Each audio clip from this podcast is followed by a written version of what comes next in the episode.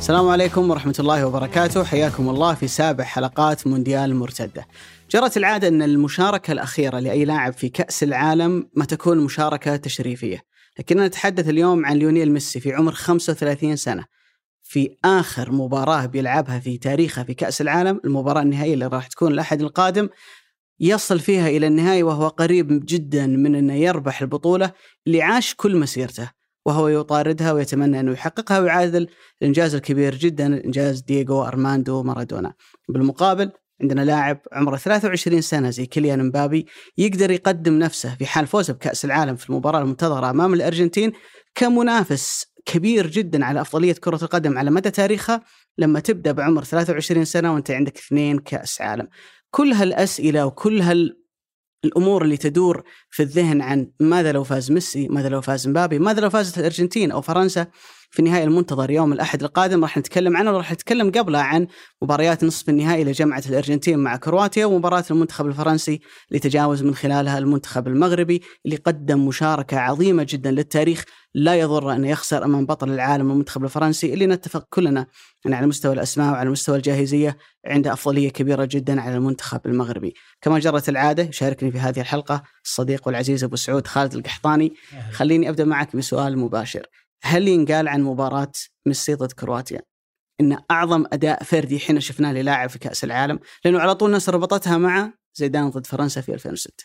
زيدان ضد فرنسا في 2006 أعتقد أداءه في يعني خلينا نقول مباراة البرازيل كان عظيم جدا لكن لو جيت تأخذ أنا بوسع الدائرة إنك تأخذ على مدى الفترة كلها المونديال كله هذا أعظم أداء فردي أنا شفته للاعب في المونديال يعني أنا شفت مثلا أبو علي مثلا زيدان أنا أرى إنه أداء قدام البرازيل كان أعظم أداء في المباراة بس لو تجي تشوف دور مجموعات أعتقد ما كان فيها أي مساهمه إيه. وغاب حتى عن المباراه الثالثه للإيقاف. إيه ومباراة سويسرا كانت تعادل مباراة ظهر كوريا كانت تعادل ما كانت في وغاب عن المباراة الأخيرة كان موقف. واي بالضبط. فما كان فيها أي مساهمة بينما ميسي لو تجي تاخذ السياق الزمني كله تدري إنه هو الأرجنتين كلها. يعني هل الأرجنتين في هذه البطولة عشان توصل النهائي سجل 12 هدف؟ ثمان مساهمات منها لميسي. منها مساهمات يعني هو كله الهدف. م. مثل هدف الفاريز الماضي هو كل الهدف. صحيح. مثل هدف آه على هولندا. على هولندا التمريرة الحريرية هذيك. مثل الهدف اللي على المكسيك م. أقل معدل إكس جي في هذه البطولة 0.02 أعتقد. وثاني أقل معدل إكس جي ترى هدف قدام أستراليا. نتكلم عن الهدف الأول ضد المكسيك. م. المباراة اللي لو ما كسبتها بعد خسارة السعودية أنت ممكن تطلع من دور المجموعات فهو اللي فتح لك المباراة. تكلم مباراة استراليا المباراة لما كانت صعبة على الأرجنتين هو اللي افتتح التسجيل. هولندا عمل الأسيست اللي ضحك على ناثان اكي وضحك على علينا الخط. ضحك علينا كلنا. وفتح المباراة بعد ذاك. فبتيجي للحظات الحاسمة أصلا في المباريات. حضوره وبصمته كانت موجودة. أنا يذهلني أن الرجل عمره 35 سنة. يعني يعني ميسي قاعد يقدم أعظم أداء له في كأس العالم في الوقت اللي كل لاعب ترى يجي في هالعمر يجي عشان مشاركة تشريفية. السلام عليكم. أنا أجزم أبو علي.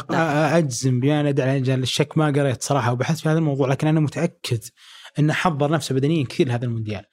في تحضير بدني على الصعيد الشخصي. وأكيد إن واحد من ميسي لما يوصل هذه المراحل دائما عنده هذا الهاجس قبل بداية كل موسم. ولكن للمونديال تحديدا أنت عمرك 35 سنة الحمل كله عليك. أنت تلعب كل المباريات كلها يعني كل المباريات بكل دقائقها ولا تستبدل. 120 دقيقة قدام هولندا. ومع ذلك نفس العطاء. ما شاء الله كل مباراة ما بين الفارق ما بين مباراة ومباراه أحيانا يومين. فأنا متأكد إنه يشتغل كثير على أداء البدني علشان يطلع بهذا الشكل.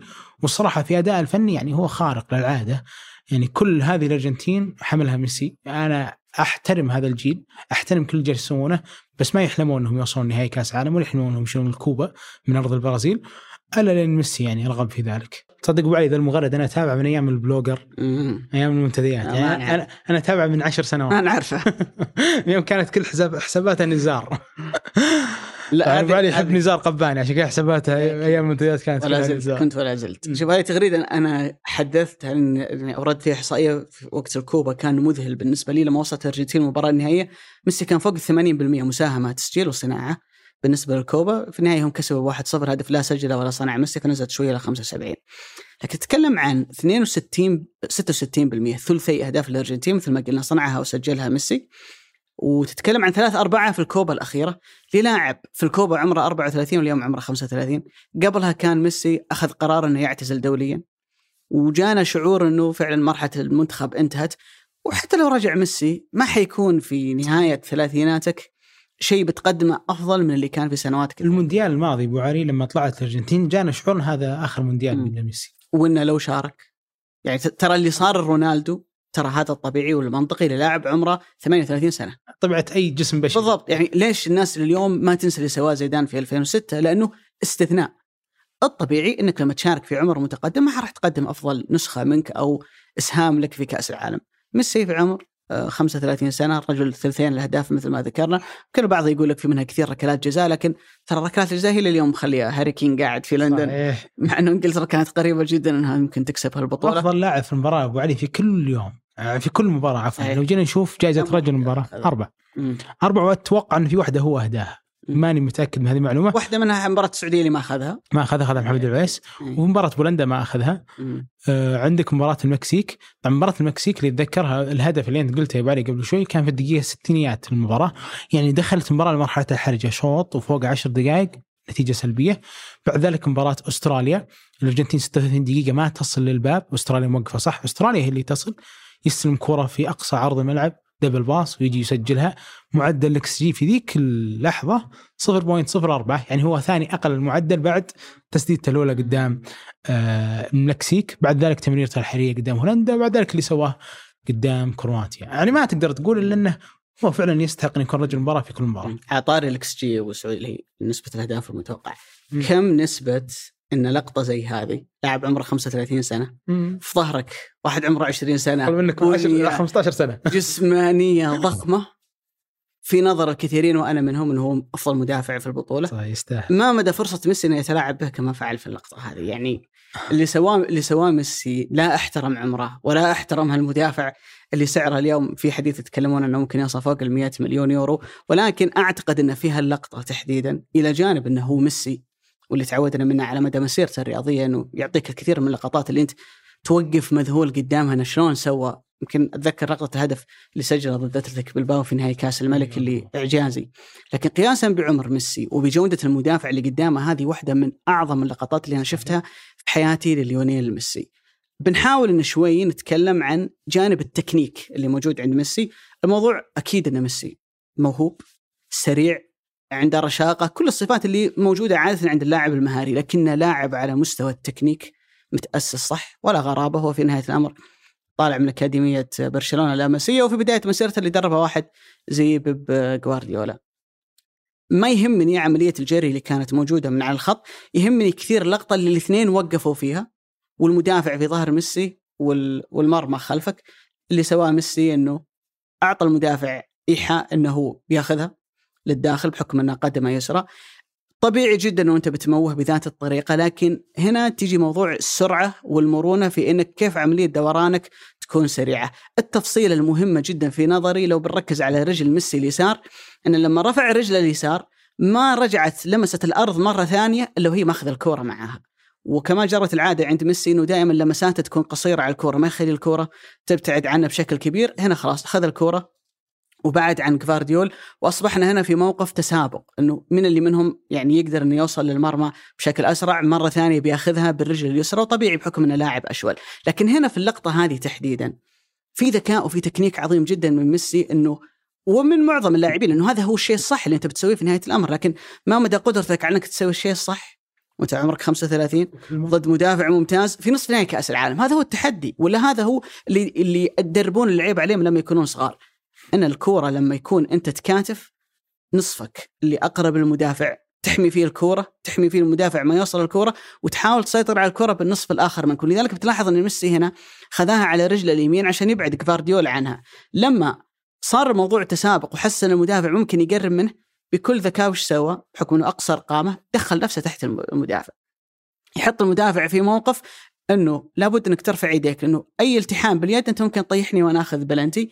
دخل من تحت المدافع كمل سيطر على الكرة برجل اليمين وهنا شفت كل اللي سواه ميسي في تفصيلة هذا كبرها لو ما سواها ميسي الكرة ما تسجلت هدف. عينك على مش كفارديول ولا الحارس عينك على لوفرين.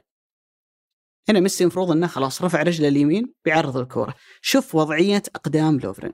تذكر بسعود في دورات التدريب دائما يقول لك اللي يعلمونك اياه واللي أنت المفروض تنقله لل- للاعبين الأصغر سنا إنك في الموقف الدفاعي دائما وقف على رؤوس أصابعك وخليك متأهب انه الكورة ممكن تروح في أي اتجاه لأنه هنا ميسي هو اللي في عملية التناحم مع جفارديول.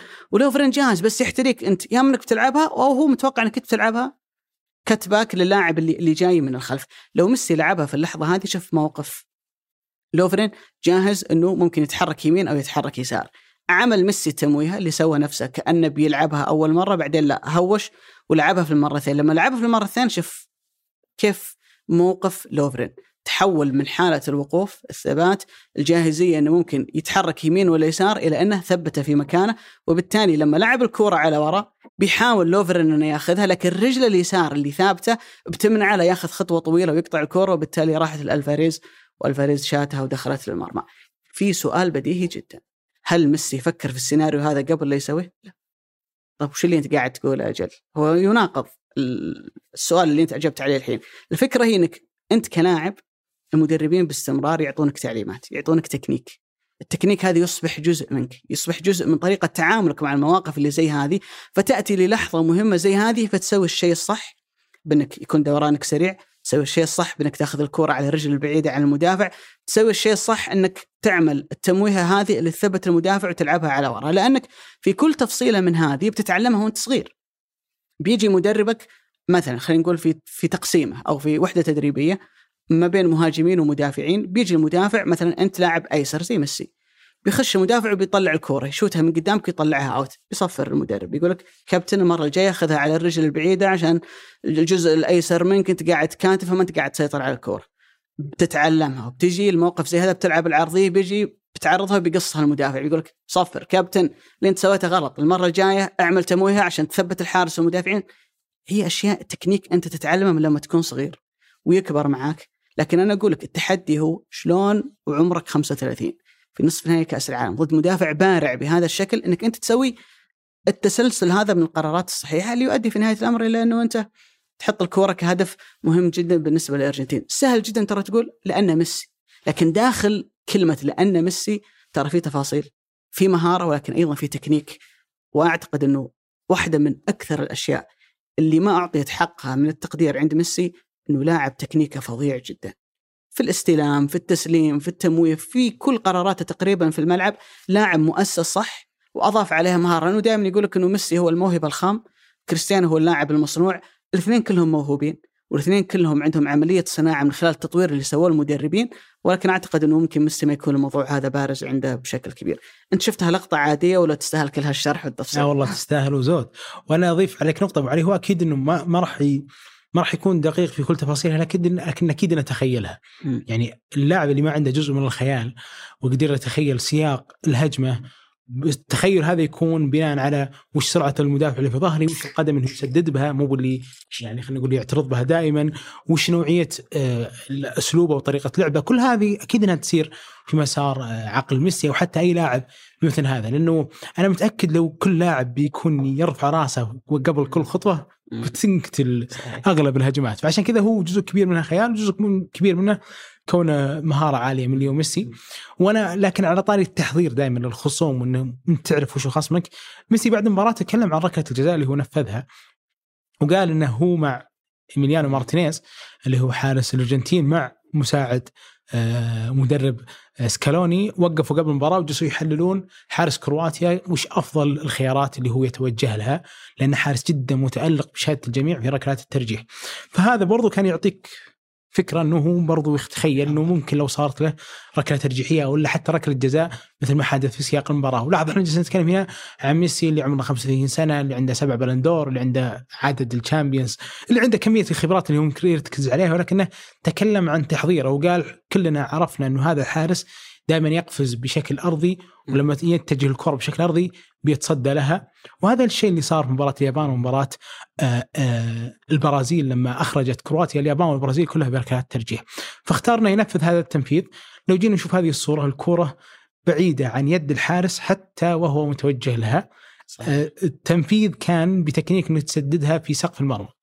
يعني انه توجه الكره دائما في سقف المرمى ويمكن تتضح بشكل الصورة بالكاميرا الخ- الخلفية إنه الكره كانت فعلا متجهة لسقف المرمى ودائما الكره في ركلات الترجيح إذا توجهت للسقف مستحيل إنها تتصدى لها كحارس مرمى. هي مشكلتها إن نسبة ضياعها عالية. صح. هي مشكلتها الأولى ان نسبه ضياعها أكبر بكثير من تسجيلها أو خلينا نقول أكبر بكثير من لو كنت مختار الزاوية اللي ما راح لها الحارس وحطيتها أرضية. لأن الكرة دائما تكون في ارتفاع ثم ارتفاع ثم ارتفاع ما تكون في حالة نزول. فهذا شيء يخيف الكثير من اللاعبين إنه يسددها بهذا الشكل. وعندنا نموذج صراحة حي في هذا المونديال آه، ألا وهي تسديدة كابتن منتخب إنجلترا هاري كين في مباراة فرنسا وإنجلترا.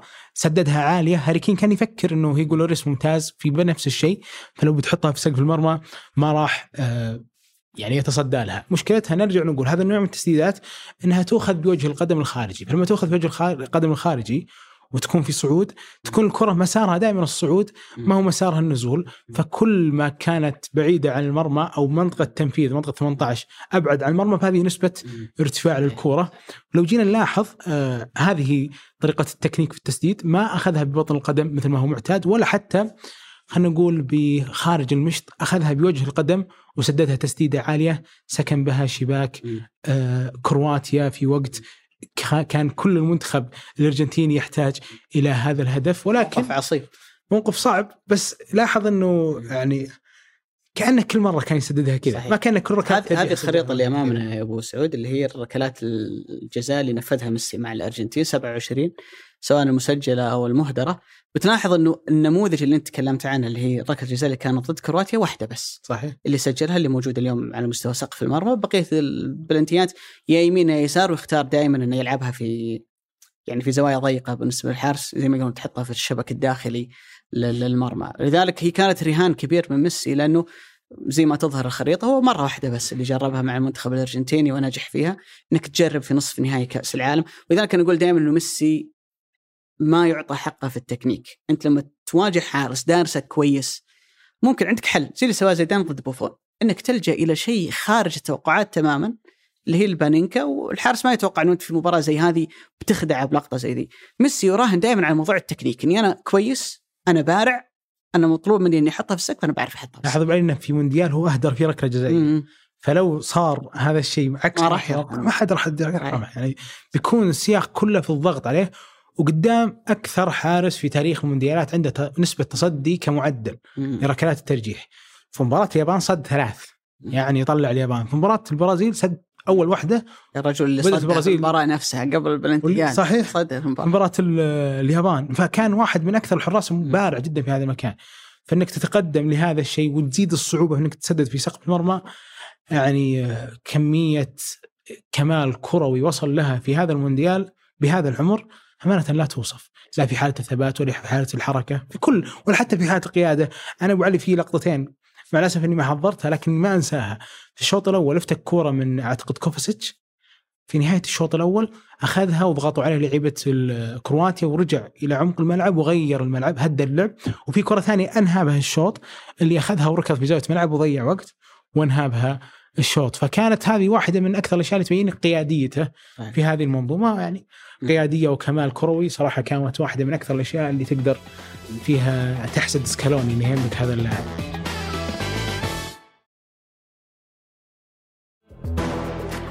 وفي رجل ثاني يستحق الثناء من كان ميسي هو اللي اخذ الشوط كله. طبعا غير ألفاريز اللي أيضا قدم مباراة جدا رائعة اللي هو سكالوني. بالمناسبة هو أول مدرب في تاريخ كأس العالم يلعب ست مباريات يعني تكلم انك تصل إلى نصف النهائي فتكون هذه سادس مباراة بالنسبة لك. كل مباراة بتشكيلة مختلفة عن الأخرى بل إن في تقريبا كثير من الأحيان يدخل كل مباراة برسم تكتيكي مختلفة عن المباريات الأخرى. شفناه بالثلاثة مدافعين شفناه أربعة ثلاثة ثلاثة. فكانت الفكرة عنده في مباراة كرواتيا أنه غير شكل الفريق إلى أربعة أربعة اثنين flat ما عنده ولا لاعب ينقال عنه إنه لاعب طرف، ما عنده ولا لاعب سريع، لا دي ماريا، لا بابو جوميز، مجرد ميسي وألفاريز. وأربع لعيبة وسط كل واحد منهم في الجانب البدني في جانب الضغط في جانب الشراسة يعتبرون من الأعلى عند المنتخب الأرجنتيني سواء ديبول أو باريدس أو إنزو فرنانديز أو ماكاليستر اللي كان موجود على الجانب الأيسر، هذا كان شكل المنتخب الأرجنتيني في المباراة إنه في معظم الفترات كان يلعب 4 4 2 flat، خطين دفاعيين قريبين جدا من بعض وميسي وألفاريز يلعبون قريبين من بعض كمهاجم آه، يعني محطة و shadow striker اللي هو ميسي اللي يكون موجود يعني تحته في في في الخلف لكن الأرجنتين أعتقد ان سكالوني اختار في هالمباراة إنه يرجع ال block لورا يحاول ان يسحب المنتخب الكرواتي إليه. أنت لو بتشوف أصلا سجل كرواتيا في البطولة ما قبل مباراة الأرجنتين عندهم فوز وحيد على كندا، بقية المباريات كانت تنتهي بالتعادل حتى اللي تجاوزوا فيها بركلات الترجيح زي مباراة اليابان ومباراة المنتخب البرازيلي.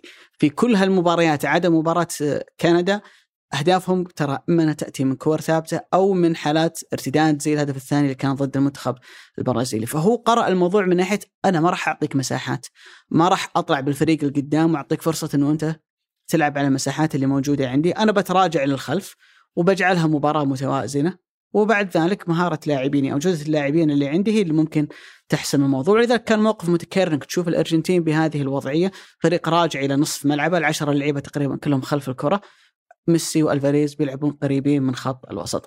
الخريطة هذه جدا مهمة لو إحنا بناخذها اللي تتكلم عن الكرات اللي فقدها كل منتخب في المباراة سواء كرواتيا أو الأرجنتين.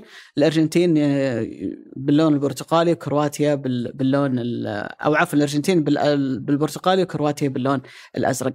اللقطة الصورة اللي بعدها شوف أبو سعود الكرات اللي فقدها المنتخب الأرجنتيني في المباراة. كورة واحدة فقط اللي كانت في نصف ملعبه كانت من فويث اللي نزل في شوط المباراة الثاني والكورة فقدها تقريبا على الدقيقة 90 ونتيجة 3-0 والمباراة مخلصة. منتخب الأرجنتين لعب مباراة جدا ذكية، مباراة جدا حذرة، ما أعطى كرواتيا الأخطاء اللي كرواتيا أصلا تعيش عليها، يعني أنت لو تتذكر الهدف اللي سجلوه ضد البرازيل إنه كورة كان مودريتش وكاسيميرو داخلين عليها مع بعض، يعني من الممكن تروح لهذا أو لهذا لما راحت المنتخب كرواتيا فورا عاقبوك بهجمة مرتدة وسجلوا عليك. فبالتالي إنك تلعب 90 دقيقة ضد كرواتيا في نصف نهائي كأس العالم وما تفقد إلا كورة واحدة مثل ما قلنا هامشية على الجانب وفي نهاية المباراة والنتيجة 3-0 هذا يدلك على إنه في تحضير ذهني عظيم جدا من قبل سكالوني للاعبين وإن العناصر اللي اختارها في خط الوسط ما كانت تعطي كرواتيا الأخطاء اللي كرواتيا تعيش عليها ومن خلالها تحول هالأخطاء إلى إلى أهداف.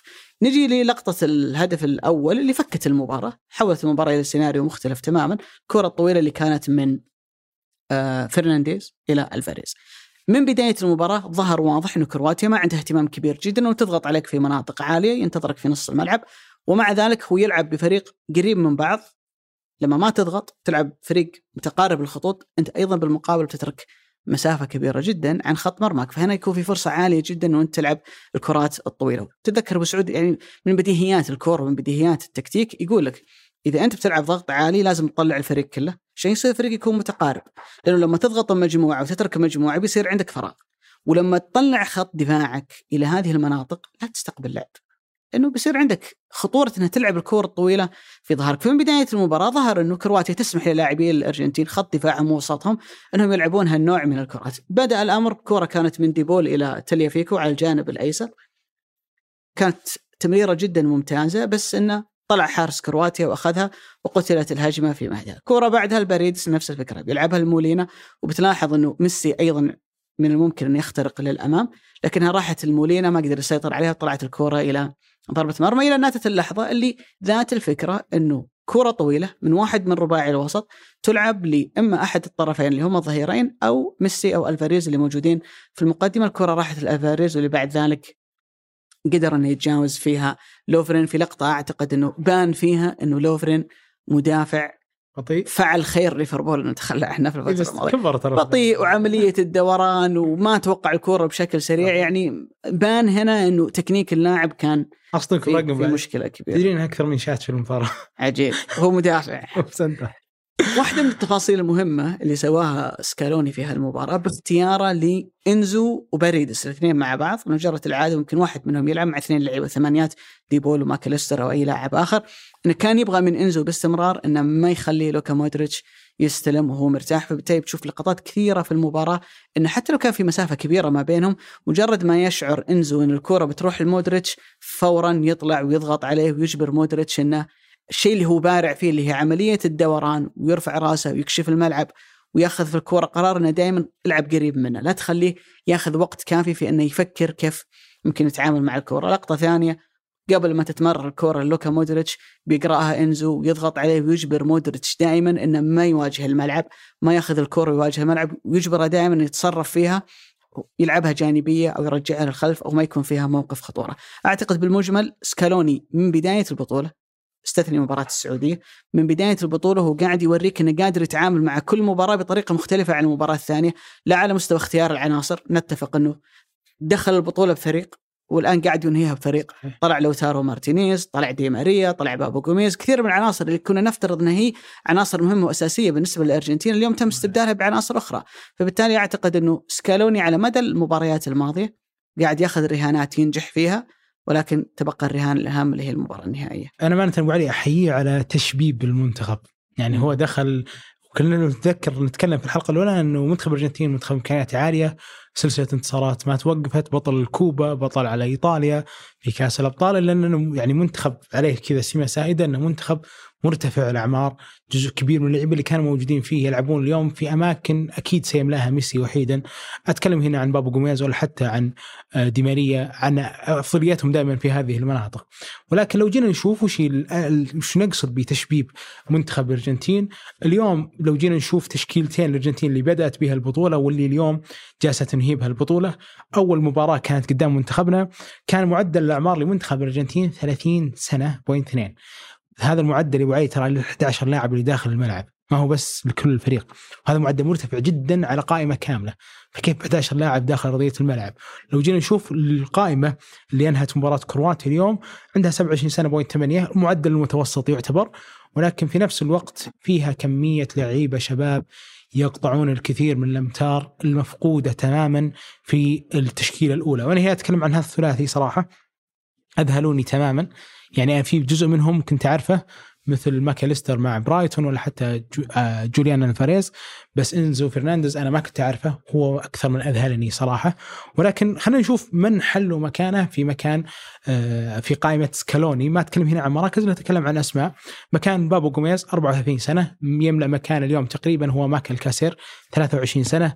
نتكلم عن دي ماريا اللي اليوم في المباراة الماضية تقدر تقول دي بول هو اللي جالس يغطي مكانه ولكن كمكان في قائمة التشكيلة في سكالوني كان آه اللي هو إنزو آه فرنانديز 21 سنة. وهنا نتكلم عن لاعب عمره 21 سنة ما شاء الله لا قوة إلا بالله. مؤدي أداء عظيم جدا. وغالبا غالبا بيجيب أضعاف رقمه في القيمة اللي شراها به. بنفيكا في بداية هذا الموسم 12 مليون يورو. وبعد الحل هو طبعا مكان آه، اللي هو نتكلم عنه عن دي ماريا. وبعد ذلك لوتارو مارتينيز ما تقدر تقول إنه لاعب كبير في السن يعني عمره 25 سنة اليوم. ولكن بالتأكيد ما هو بحركية وديناميكية آه، جوليان ألفاريز اللاعب اللي تقريبا اليوم يعتبر أكثر لاعب أخذ سبرنتات في هذه المباراة بدون أدنى منافس. يعني أعتقد بينه وبين أقرب واحد له قرابة العشر سبرنتات. وهذا يفسر لك قديش هو كان دؤوب على هذه المباراة. ولكن خليني بأجي أبدأ اليوم نتكلم عن آه، إنزو فرنانديز اللي أنا أعتقد إنه كان واحد من أفضل لعيبة المباراة وإن كانت بعض الأرقام ما تشير له. يعني على الجانب الدفاعي كان لاعب جدا عالي هو أكثر مدافع مارس أكثر لاعب مارس الضغط من الفريقين. وعلى الجانب الهجومي في عندنا لاعبين صنعوا ثلاث فرص محققة ميسي و اللي هو إنزو فرنانديز. وأنا هنا بتكلم من مثل ما ذكرت أبو علي في آه مناطق اللي كان يلعب فيها كل هذا الثلاثي. لو جينا نشوف ماك أليستر كان يغطي تقريبا الطرف الأيسر وعمق الملعب. لو جينا نشوف دي بول كان تقريبا يغطي الطرف الأيمن كله. وهنا تفسر ليش هو دائما يلعب بشكل قريب من عند ليونيل ميسي. أما إنزو فرنانديز فتقريبا كان يغطي كل العمق بكل عرضه وطرف الملعب الأيسر وبفنيات عالية جدا جدا. أنا باجي أحل هنا موقفين. الموقف الأول اللي هو الهدف الأول والموقف الثاني اللي هو حالة الانفراد اللي يوم ميسي في الشوط الثاني. لو جينا نلاحظ حالة الهدف الأول هو كان يطلب الكرة بين أربع لعيبة كروات وظهره للمرمى تماما.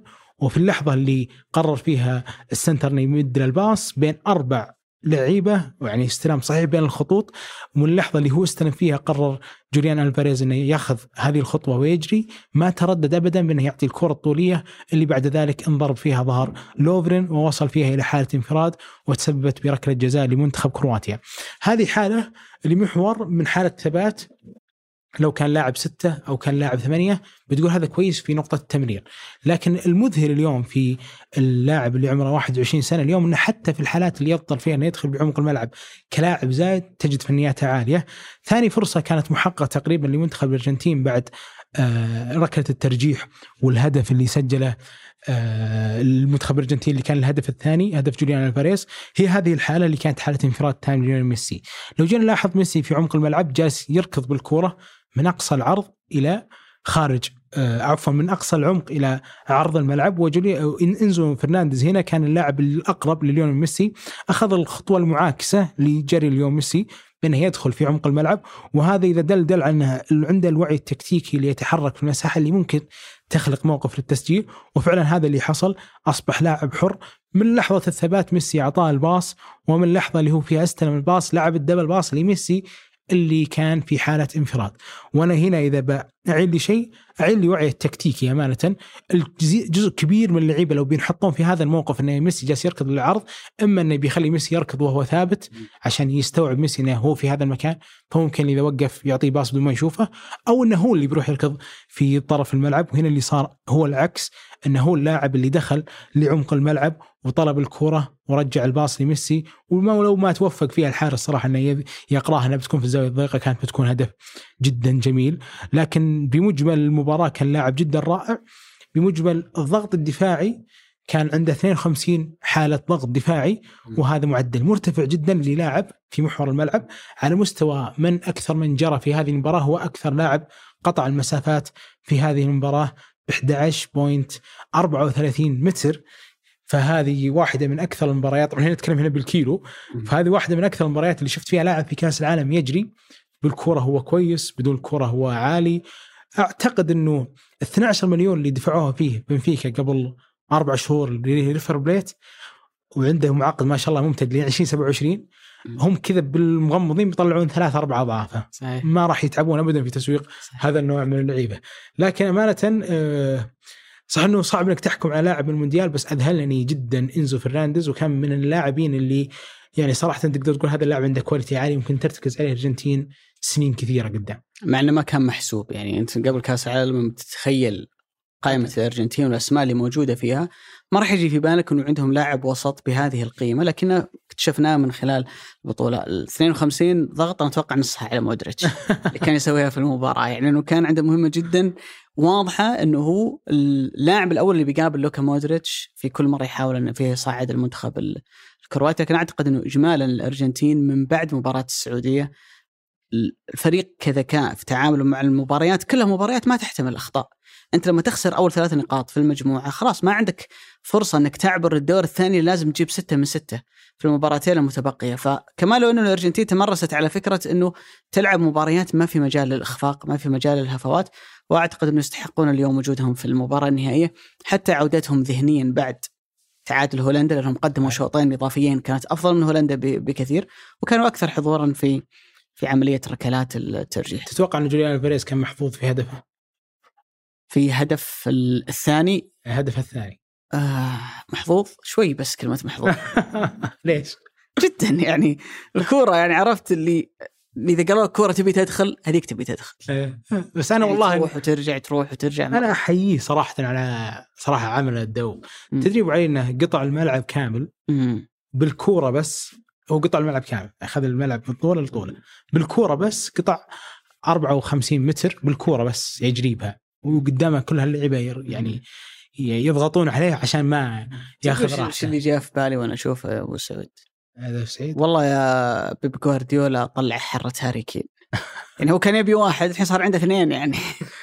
يبي مهاجم جابك فتحت تسعة أنا ما ودي. طويل أنا... بدني ينفع في الدوري الإنجليزي. عيوا الجماعة يعطون هاري كين قال هيا جاب اعتقد اثنين. أعتقد إن الاكيب هي اللي كتبت إنه جوارديولا قرر إنه يوقع معاه بعد ما باع آه، فيران توريس، السيتي باع فيران توريس ب 55 مليون يورو. شرى هذا ب 20 وهالاند تقريبا ب 60 مع إنه في بونص 15 مليون يورو في كم مجموعهم؟ يعني تقريبا فيران توريس أقل من مجموعهم اثنينهم 5 مليون. يا ساتر. فمكسب. لكن أنا احييه صراحة أبو علي على إنه لاعب يعني دؤوب جدا في الحركة وهذا ممكن الفارق الكبير ما بينه وبين لوتارو مارتينيز، لوتارو ممكن يكون أفضل منه في كل شيء داخل المنطقة مع إنه بدري وما بعد شفناه. يعني عمره 22 سنة اليوم تو الحين احتياطي لإيرلينج هالاند. ما بعد خذ تجربة كاملة تقدر تقول إنه هذا مكانه من التسعات في العالم. ولكن ترى بداية الكورة كان هو اللي يغطي القائم الأول في ركله زاوية لمنتخب كرواتيا. اللعبه باص لبيريسيتش هو اللي طلع وأخذ ال sprint إلى أن وصل لبيريسيتش يعني لاحظ إن الكره طبعا أكيد إنها اسرع منه لكن شوف ما شاء الله إلى أي حر... إلى أي مدى كان هو لاعب سريع. وبعد ذلك هو اللي اعترض الكورة اللي اصطدمت فيه من بيريسيتش.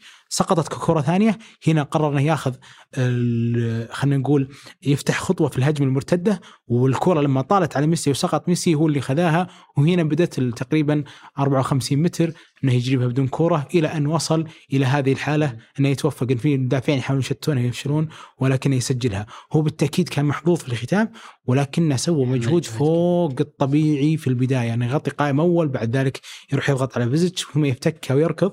عشان كذا أنا ما استغربت لما شفت آه، له رقم في نهاية المباراة انه أكثر واحد فك سبرنت على قولة أهل الكورة في هذه المباراة ب 66 بس هذا كمان أبو سعود تصف لك شيء صار في المباراة إنه الأرجنتين لعبت متراجعة صحيح. واعتمدت كثير على الكرات الطويلة ولذلك يمكن البعض يعتقد إنه غلطة من لوفرين أو غيرت شكل المباراة. المباراة ترى كانت رايحة بالاتجاه هذا يعني الأرجنتين كانت مصعبة على كرواتيا. توفقوا في واحدة. كانت مصعبة على كرواتيا فكرة الوصول إلى مرماها وبالمقابل كان واضح أنه عندهم حل. يرتكز على جودة اللاعب المنفذ في الكورة الطويلة وعندك لاعب جدا ممتاز في عملية الاختراقات اللي تجي من الخلف. حتى لو قلنا أنه محظوظ ترى مهم جدا بالنسبة للاعب كرة القدم أنه يكون موفق. يعني أحيانا أبو سعود سوء التوفيق أو قلة التوفيق تأتي في لحظة معينة تهدر فرصة فرصة هذه تظل عبء عليك طوال حياتك. مهما عمل في حياته هيغوايين بعد الفرصة اللي ضيعها في نهاية 2014 تحس إنه هيغوايين في شيء جواته حالة شك من عقب ذيك الفرصة. اتذكر إنه يمكن من أكثر اللاعبين روبن اللي لما ضيع فرصتين كانت في نهائي كأس العالم 2010 يعني ظل روبن اللاعب اللي دائما تلاحق هذه اللقطة ضيع بعدها كثير حتى يمكن نهائي 2012 ضد تشيلسي ركله الجزاء اللي ضيع. لكن الفكرة إنه اللاعب ترى الناجح جزء منه إنه ترى يكون لاعب موفق. فكيف أبو علي لو عاد وش أسباب التوفيق ما تدري وش هو مسوي في حياته. لكن مهم جدا بالنسبة للمهاجم ترى دائما يكون موفق. هو يعني قدم مباراة رائعة جدا في نصف النهائي. صح الهدف الثاني مثل ما أنت قلت المفروض يحسب لميسي ما يحسب له لكن أعتقد إنه في المجمل الثلاث لقطات المهمة والمفصلية في المباراة. البلنتي هو اللي جابه الهدف الثاني هو اللي سجل الهدف الثالث وضع بصمته عليه. فأعتقد إنه تظهر بهذا الشكل في نصف نهائي كأس العالم بعد جيل من المهاجمين.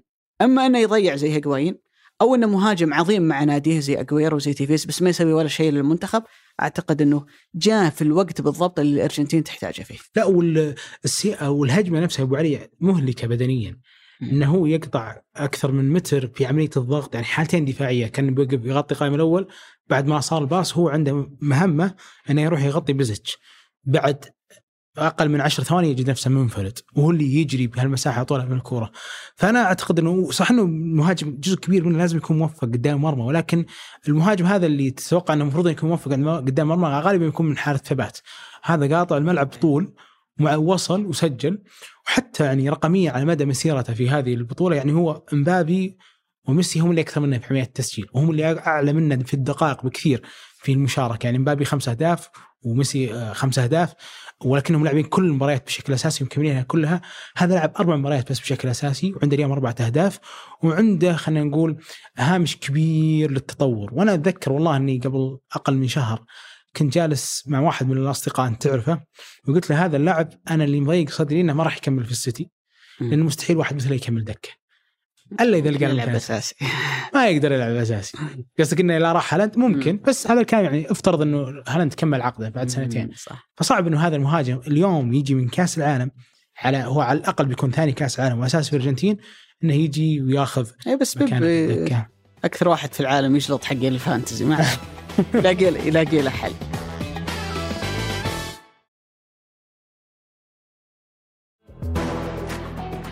إذا بنروح أبو سعود المباراة الثانية مباراة المغرب وفرنسا. محزنة.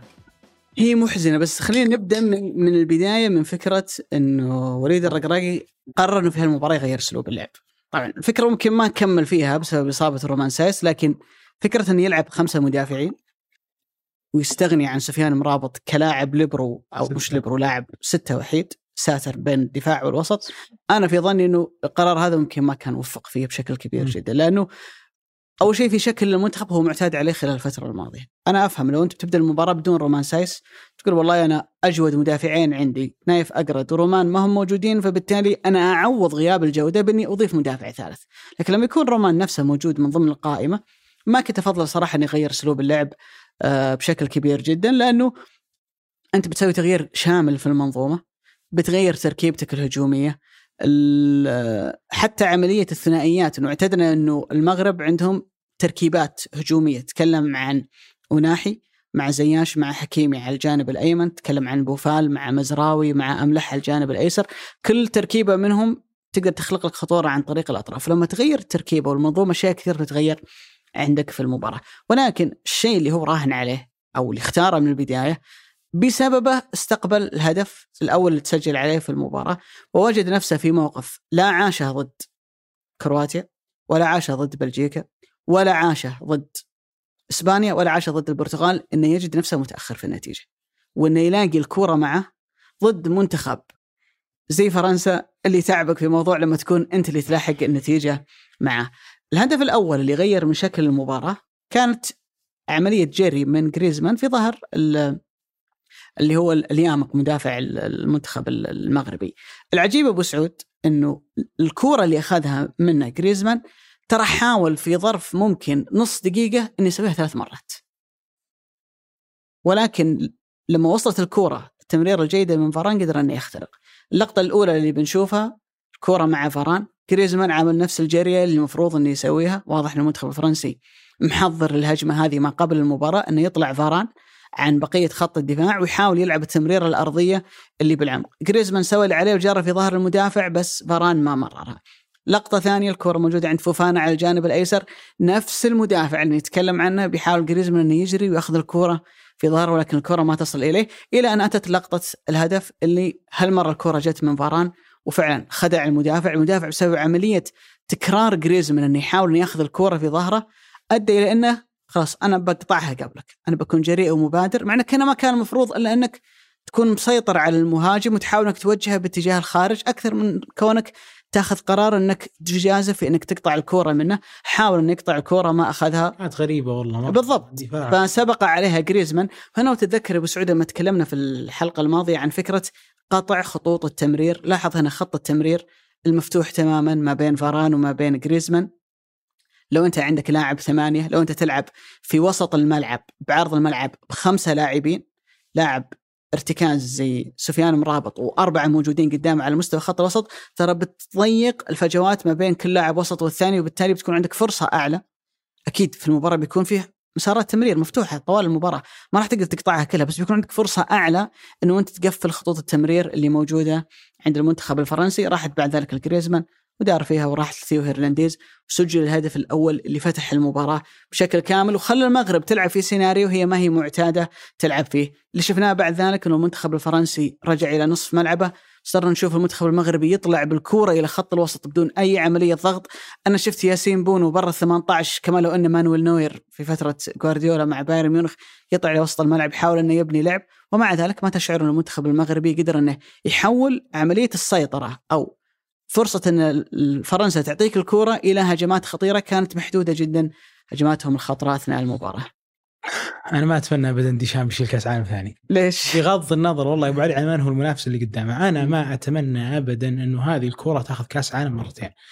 يعني هذا أنا أختلف معك ترى يا أبو سعود. إيه أنا أدري إنك تحب تحب السيتي. لا لا لا ما وكلنا نحب الكرة الهجومية. مو بقصدي كذا. وأنا حبيت ريال مدريد في لا. فترة أنت الجلاكتيكوس فهمتني غلط. بس الكرة الدفاعية ترى كمان لها وضعها ولها أنا أحب إيطاليا 2006 ما عندي مشكلة مع الكرة الدفاعية. أحب كونتي لما أخذ ال Premier League على جوارديولا وعلى يورجن كلوب وبفارق كبير. أجل شو مشكلتك؟ ما عندي مشكلة ترى مع الكره الايطاليه شو مشكلتك ما عندي مشكلة مع الكرة طيب؟ الدفاعية. الحين أشرح لك شو مشكلتي.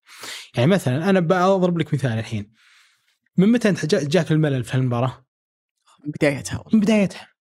من الدقيقة أربعة سجلت فرنسا ثم فرنسا كلها بكل خطوطها وقفت ورا. ما شفت أنا دفاع فرنسا يعني شفت معدل صعود دفاع فرنسا كدفاع كخط دفاع. أتحدى أي أحد يطلع معدل نتجاوز على الأقل 10 دقائق طوال المباراة 90 دقيقة. سجل هدف ثيو دقيقة أربعة رجع كل فريق ورا. موسى د... آه، عثمان ديمبلي عفوا كان يلعب كل المباراة يغطي بوفال. مم. تخيل إنك بتشوف مباراة كاملة ما بين منتخب المغرب وتشوف منتخب فرنسا امبابي وعثمان ديمبلي وعند عثمان ديمبلي بشكل أكبر لأن كل الارتداد كان يتحول على امبابي يلعب مع حكيم زياش وبوفال. لاحظ ان إحنا نتكلم عن اثنين كل امكانياتهم طول عمرهم هجومية. أنا بقى أشرح وش مشكلتي.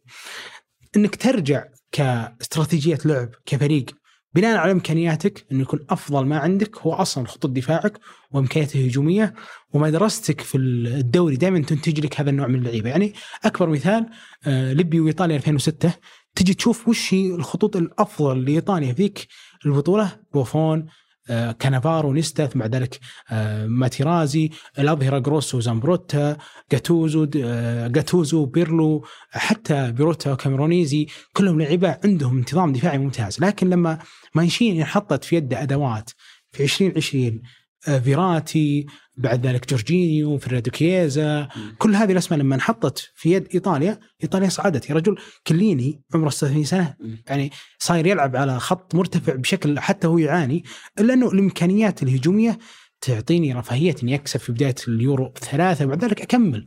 أستعرض قواي إني ألعب كورتي بناء على إمكانياتي. فأنا ما عندي مشكلة مع المدرسة. حتى كونتي اللي اليوم ينعت إنه مدرب دفاعي والله ما عندي مشكلة ابدا. إنه يبني استراتيجية نادي كبير بأسلوب دفاعي وفق إمكانياته. لكن إنك اليوم تملك ديمبلي ومبابي وجيرو وجريزمان تلعب قدام منتخب مثل المنتخب المغربي ادى أداء عظيم وأداء أسطوري وتلعب قدام أي منتخب في العالم وتسلم الكوره من دقيقة أربعة خوفا إنك ما تستقبل أي هدف. تعال خذها بمقياس مباراة إنجلترا الماضية. صار نفس الشيء. الفارق إنه إنجلترا عندها إمكانيات أكبر بكثير من المغرب وأكبر بكثير من أي أحد. إنجلترا عندها فارق إمكانيات كبير. لما سجلت فرنسا وسلمت الكورة من هدف فرنسا إلى هدف تعادل هاري كين في أربع كرات. في الباب كلها لإنجلترا مع إنه اوباميكانو لعب man-to-man مع هاري كين لعبوا بخطوط قريبة وجدت إنجلترا حل ووصلت. لولا الله ثم إنه ما تهدر ركلة جزاء ثانية كان ممكن تروح أشواط إضافية ويصير فيها اللي يصير. تعال شوف خط دفاع فرنسا كله. هل فيهم لاعب واحد يعاني من السرعة؟ كوندي يلعب ظهير. لأن طوليته كويسة لأنه center سريع. اوباميكانو واحد من أسرع السناتر في العالم. فاران طول عمره يلعب بخط عالي مع آه ريال مدريد، كوناتي اللي عوض اوبامي كان طول عمره يلعب بخط عالي مع مع يورين كلوب ما تشوف أصلا ورا، كل طول عمره هو فان دايك على خط عالي. في واحد من أسرع اللعيبة في العالم. فأنت عندك خط دفاع هو اللي عنده إيقاف حلولك انت نفسه، يعني إذا مبابي وموسى ديمبلي هم عاليين جدا في السرعات وبياخذون أي كورة فإن هذا الخط عنده رفاهيه انه دائما يصعدهم لكن انه يكون طول المباراة جيرو يلعب على سفيان رابط وتترك الكرة وتحاول انك بس ترتد وحتى ارتداداتك غالبا ما تكون على جهة الطرفين. دائما يا عند جريزمان هو ياخذ الكره الثانية بعدين يحولها يا تروح لمبابي. هذا قبح بالمختصر. أنا اللي شفته في مبررات يعني. أنا أدري إنه في مبررات. أنا معك بس في مبررات يعني. ترى سبع مباريات في 28 يوم. الحين لما نقول مثلا إنه فترة ضغط في الموسم محليا أو اوروبيا تقول والله ألعب مباراتين في الأسبوع. يعني في أربع أسابيع بتلعب ثمان مباريات هنا عندك سبع مباريات.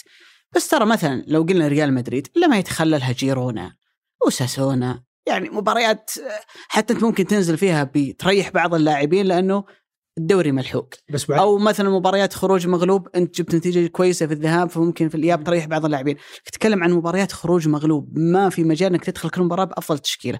ما أقدر ألعبها كلها رتم عالي. التشكيل أبو علي. ما عندي مشكلة عندي مشكلة لا ما أقدر ألعبها كلها برتم عالي. الرتم اللي أطلع الفريق اللي قدام وأضغط وأستقبل لعب وكرات طويلة في ظهري ما في أحد علي صاحب. يلعب في مباريات إقصائية إنه طول عمره طالع. م. بس أنا على الأقل بيشوف إمكانياتك. مو معقول إنك في الدقيقة أربعة تقرر إنك توقف ورا. ما في يعني في بعض على فكرة أبو سعود هذه أول مباراة المغرب يكسب فيها نسبة استحواذ. ولا راح يكسب. من دقيقه اربعه الكورة.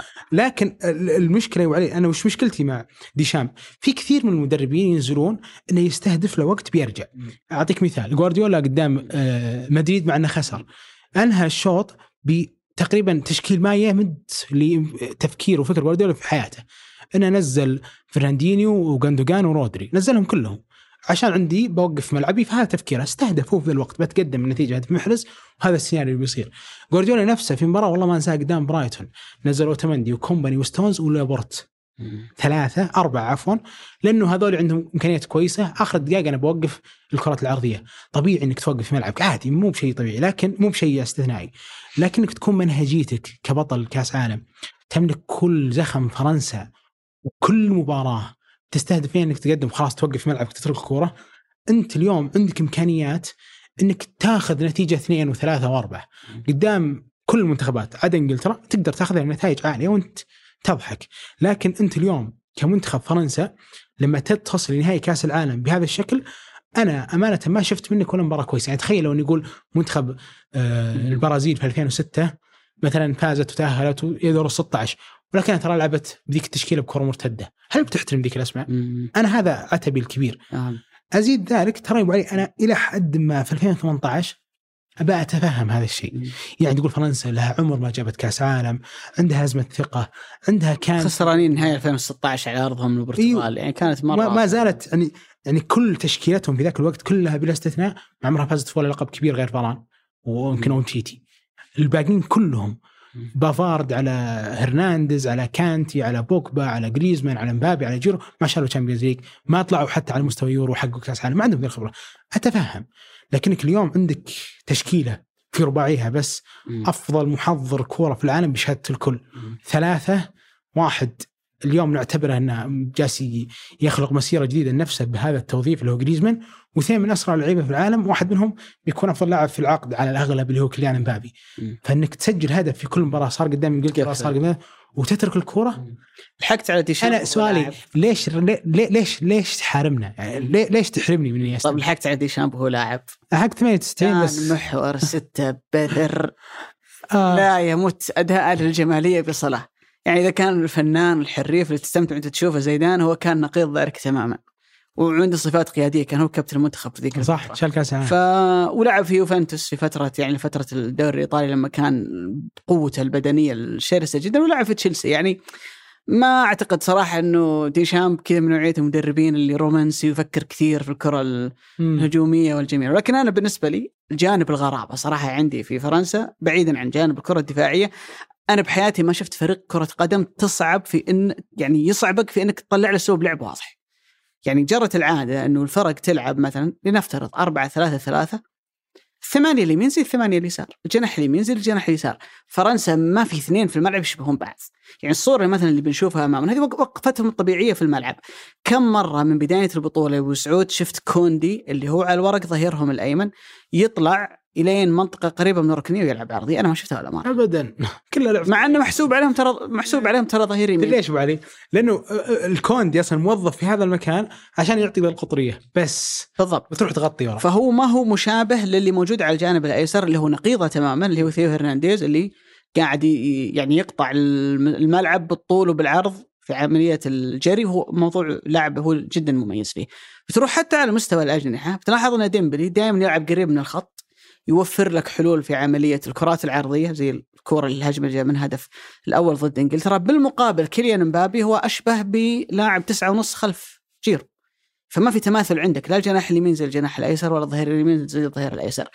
الفريق في مرحلة تحضير اللعب بتلاحظ إنه في الغالب يتحول إلى 4 3 3 جريزمان ينزل يصير لاعب ثمانية ثاني زي رابيو أو زي فوفانا.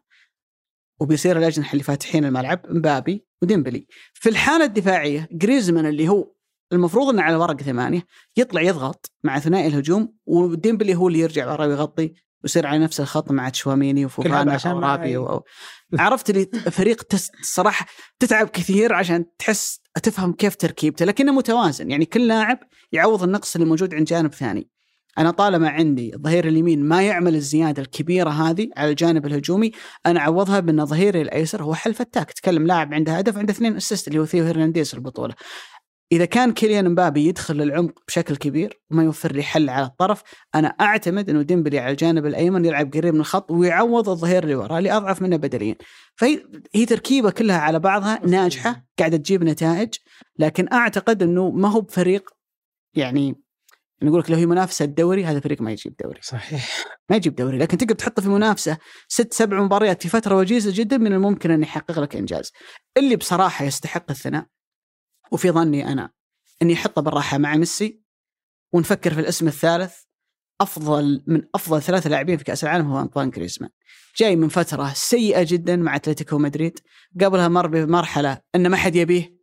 صحيح. برشلونة أعطاه أتلتيكو إعارة. حتى الراتب ما لا وأتلتيكو ما ينزلون إلا بعد الدقيقه مدري كم علشان لا يدفعون مبلغ البرشلونة. يعني تخيل ان يتم معاملتك بهذه الطريقة. إنه أنت تلعب ولا ما تلعب الحسبة مالية. ما هي مستوى ولا هي تأثير. نأتي إلى كأس العالم. جريزمان قدم أداء عظيم جدا. ال- إلى جانب إسهام الهجومي قاعد يوظفه ديشامب بتوظيف دفاعي.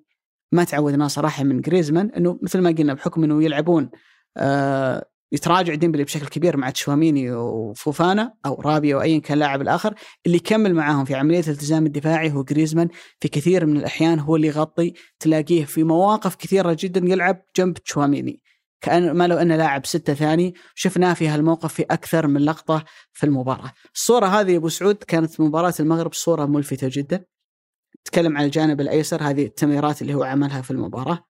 الخريطة اللي في النص هذه الكرات اللي صناعة فرص أدت إلى تسجيل اهداف ولكن الملفت بالنسبة لي هو الملعب اللي على اليمين اللي هي التدخلات الدفاعية اللي سواها.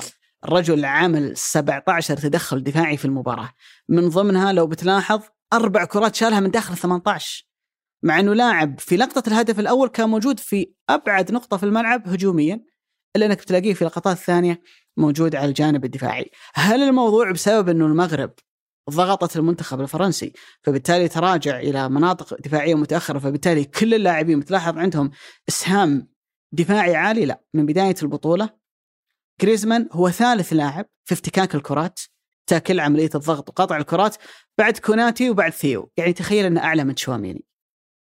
وهو لاعب يعتبر مش لاعب خصائص دفاعية. في موضوع اعتراض الكرات إن التمريره يقطع مسار التمريره هو بعد تشواميني ورابيو وكوناتي كرابع لاعب على مستوى المنتخب الفرنسي في تشتيت الكرات اللي عادة هذه شغلة المدافعين السناتر اللي كورة طلعها بس برا 18 هو السادس بعد الثلاثه سناتر اللي هم كوناتي فاران وأوباميكانو وثيو كامافينجا اللي استخدم كامافينجا كلاعب ظهير أيسر في أحد المباريات بالنسبة لديشام.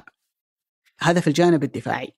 شوف تأثيره على الجانب الهجومي هو ثالث أكثر اللاعبين الفرنسيين تمريرا هو أكثر لاعب عمل key pass تمريرات مفتاحية بفارق 10 عن أقرب منافس لها يعني هو 21 أقرب واحد لها ديمبلي 11 الأول صناعة أهداف في فرنسا وفي كأس العالم بشكل عام وأكثر لاعب صنع فرص تحقيق مسجل محققة سبع فرص اللي بعدها ديمبلي بثلاث. يعني في الجانب الهجومي في صناعة الفرص فارق تماما عن أقرب منافس له في المنتخب الفرنسي وعنده تميز كبير جدا في الجانب الدفاعي. أنا ما عمري شفت لاعب يعطيك هالإسهامين بشكل واضح إنه ملتزم دفاعيا وفعال هجوميا بذات القدر.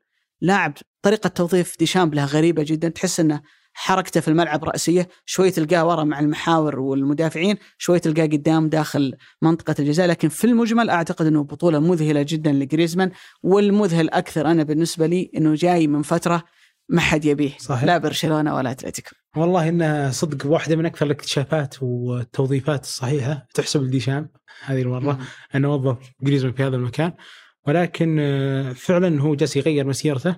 أتمنى إنه يستمر في هذا المكان يعني ما أتوقع إنه مع سيميوني بيلعب في هذا المكان. لكن هو يحب سيميوني ترى اللي يدافع يعني هو دائما دافع إي بس أقصد كنوع من التمركز في هذا المكان اللي هو اللاعب اللي يغطي تحت العشرة وفي العشرة أصلا ما هو موجود. أنا أعتقد إن سعود هذه واحدة من أكثر الأشياء ترى اللي تميز العقلية الأوروبية. صعب فريق يحتوي مبابي وجريزمان وجيرو مع بعض.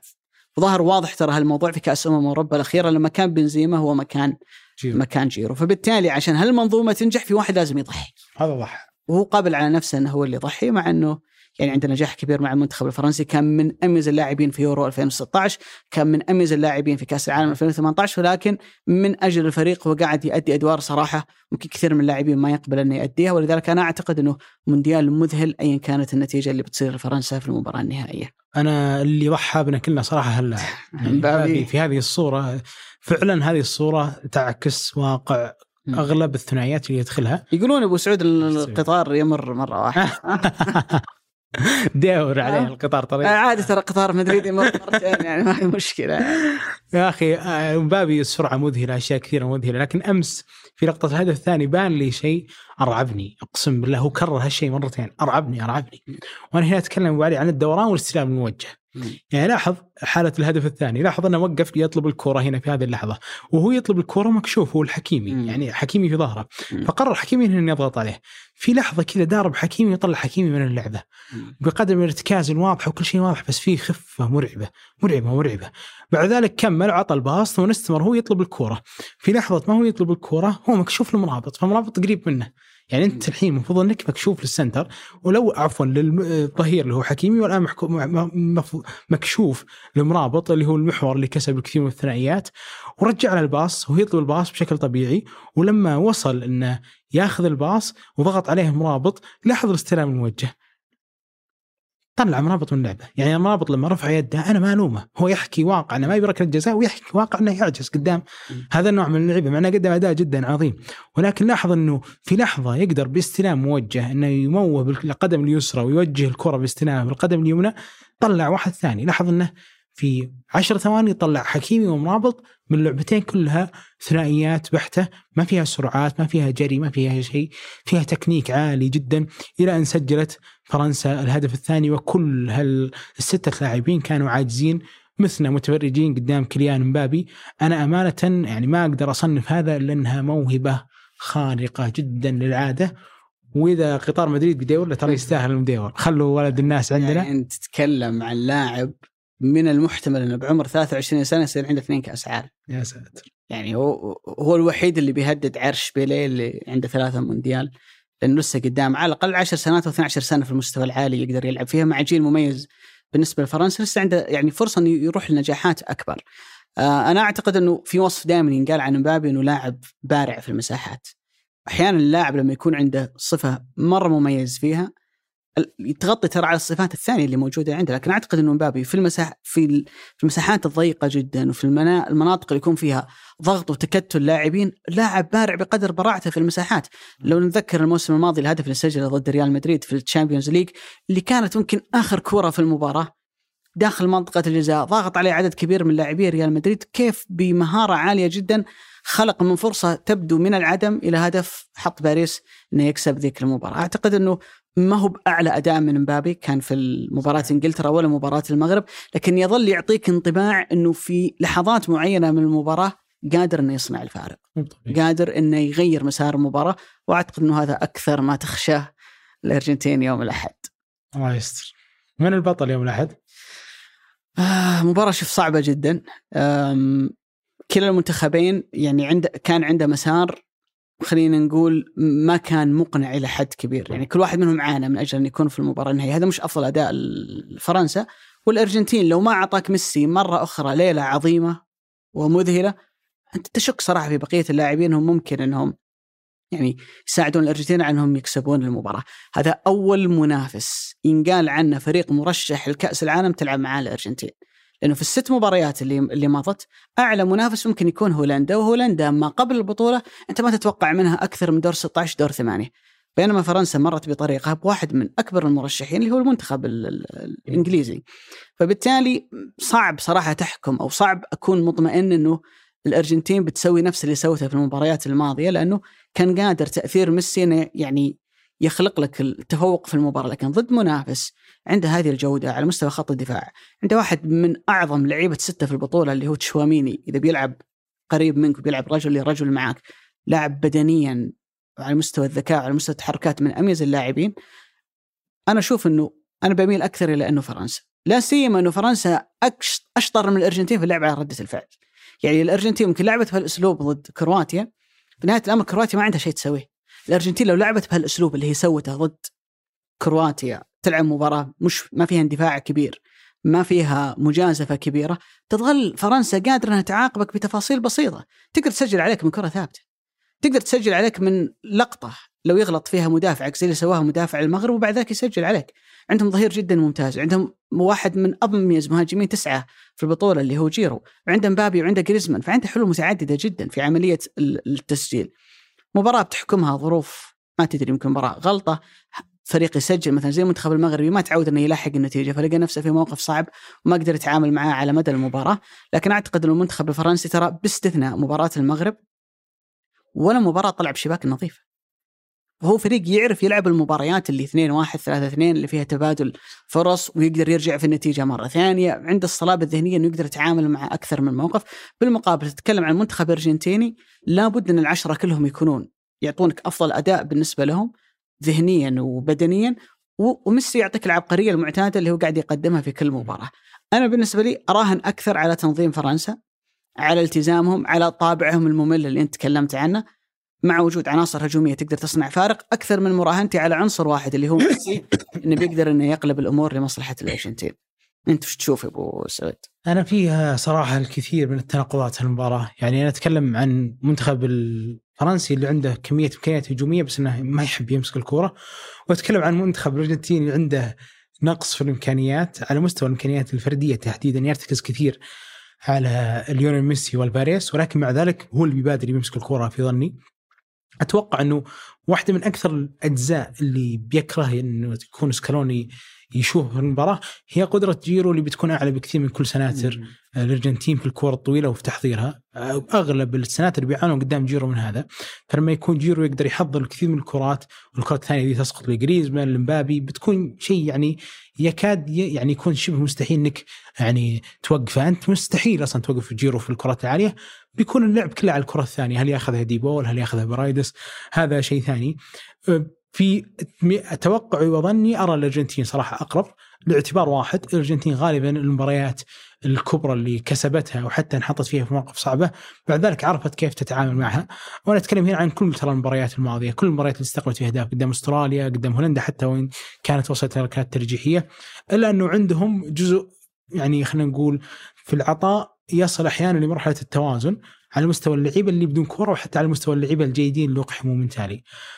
في ختام هذا كله أنا أتوقع الأرجنتين هي بطلة كأس العالم أتصور انه هذا اللي بيصير آه، لأني أرى أن الأرجنتين إلى حد ما بترتكز على لاعبين المباراتين الماضية أعطوك رتم جدا عالي وهاللاعبين بيلقون الكثير من خلينا نقول الحالات اللي بتكون فيها بين المدافعين سواء ألفاريس ولا حتى ليونيل ميسي. طبعا ميسي هو اللي قبل الكل. فأنا أتصور إن الأرجنتين تلقى فرص كثيرة إنها تسجل وبتطلع فرنسا من ملعبها هذا على الأغلب. هل بيكون نهايه ممل أو لا؟ غالبا غالبا المباريات اللي يلعبها ديشام بتكون مملة. لكن أنا أرجع أقول إني أتوقع إن الأرجنتين هي اللي بتكون كبطلة كأس العالم. إذا في عامل أنا في ظني يلعب يعني تأثير كبير في من بيفوز في المباراة أنا أعتقد من اللي بيسجل الهدف الأول. م. يعني فرنسا لو سجلت اولا بتصعب الجيم. ولعبت الأسلوب اللي هي تلعبه دائما إنها ترجع وتعطي الأرجنتين الكورة مبابي حيعذبهم في المباراة في المساحات هو وديمبلي وجيرو. ولكن بالمقابل لو الأرجنتين سجلت وفرنسا وجدت نفسها في موقف إنها تلعب بالاسلوب اللي هي ما تحب تلعبه، إنها تطلع من ملعبها وتحاول تضغط الفريق الآخر. تلقى حلول. في تلاقي الأرجنتين حلول بعد ذلك من الممكن إنها تضرب المنتخب الفرنسي. أنا أتوقع أبو علي إنه تحديدا ميسي بيكون بحالة جيدة. م. أنا أتصور والله العالم إنه ميسي بيكون في حالة جيدة. آه ذهنيا بدنيا هو في حالة جدا رائعة. جدا تخليك تتوقع إنه بيكون صاحب حضور طاغي في النهائي. تبقى تفاصيل خلينا نقول يعني تفاصيل مرة جزئيات بسيطه ما حد يقدر يحكمها ولكن أن يترك ميسي قدام فريق متراجع تماما وهو بحالة جيدة يعطيني انطباع إنه هو بيقدم الارجنتين فأنا أتوقع إنه هو اللي بتكون له الأفضلية. تبقى الجزئيات الثانية على طريقة التوفيق. سبحان الله دائما النهايات ترى يسجلون فيها لعيبة ما أتوقع ان يسجلون فيها. يعني يجيك ماتيرازي يسجل له بالرأس يجيك آه لاعب أنت ما تتصوره يسجل له. لكن جودزا مثلا من الدكه لكن في العموم أكيد إنه الإمكانيات تميل لفرنسا. بس أنا أتوقع إن الأرجنتين هي البطلة. موضوع التألق ميسي. ترى هذا ليس فعل حسن بالنسبة للارجنتين لأنه جرت العادة إنه أفضل لاعب في البطولة ما يكون من الفريق اللي فاز بالبطولة. أيه. يعني النسخة الماضية إلا مبابي المرة. لا النسخة لا النسخة الماضية كان مودريتش اللي فاز بجائزة أفضل لاعب في البطولة. فرنسا هي اللي كسبت. 2014 الأرجنتين وألمانيا هي اللي فازت. 2010 كان فورلان اللي من الاورجواي اللي حتى ما وصلت المباراه النهائية. وعلى ذلك فقس رونالدو في 98 وأوليفر كان في 2002 فهذا ترى فعل ما هو بجيد للأرجنتينيين إنه اذا إذا ميسي هو أنا أتوقع إنه ميسي حياخذ جائزة أفضل لاعب في البطولة. لكن جرت العادة ترى أفضل لاعب في البطولة ياخذها والكاس ياخذ الفريق ليش يعني. ما ياخذ أفضل لاعب في البطولة؟ وافضل هداف في البطولة؟ يستاهل. أفضل صانع لعب. يستاهل. يستاهل. يعني أنا أعتقد إنه أي واحد يحب الكورة بيتمناها لميسي. في نهاية الأمر لو فازت فرنسا. أي واحد يحب الكورة ما يتمناها لديشام.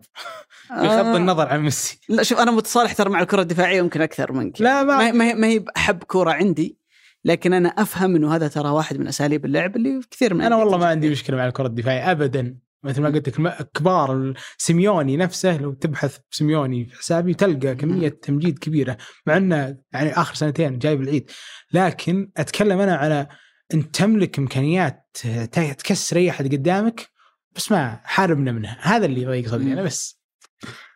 وصلنا لنهاية الحلقة يا أبو سعود. شكرا. لك يعطيك ألف عافية. الحلقة- تراهنا تراهنا كثير. يعني البرازيل وإنجلترا صارت فعلى الأقل في النهائي نشوف شوف من اللي بيكسب. أنا أتوقع ولا إنك حتى ودي إنك أنا أكسب. أنا ودي إني أكسب عشاني أنا. ودي إنك تكسب عشان ميسي. شكرا لك يا أبو سعود. شكرا ابو علي. نلتقي إن شاء الله بعد المباراة النهائية. أيضا الشكر لأسيل عبد الله في الإخراج الإبداعي في الإخراج الفني مجد القرشي في إدارة التصوير وهاب موسى وفي التصوير عبد المحسن القرينيس. في الهندسة الصوتية عبد العزيز المزي فني إضاءة أمجد حديد مساعدي إضاءة محمد سواس وغالب جانودي. في التلوين عبد المجيد العطاس في التحرير جميل عبد الأحد ومرام ضبيبان المنتج أصيل بافرط منتج منفذ رزان دهيثم مساعد إنتاج عبد المجيد باوزير. وفي الإشراف جميل عبد الأحد هذا بودكاست مرتدة أحد منتجات شركة ثمانية للنشر والتوزيع. نلتقيكم بإذن الله تعالى بعد المباراة الختامية.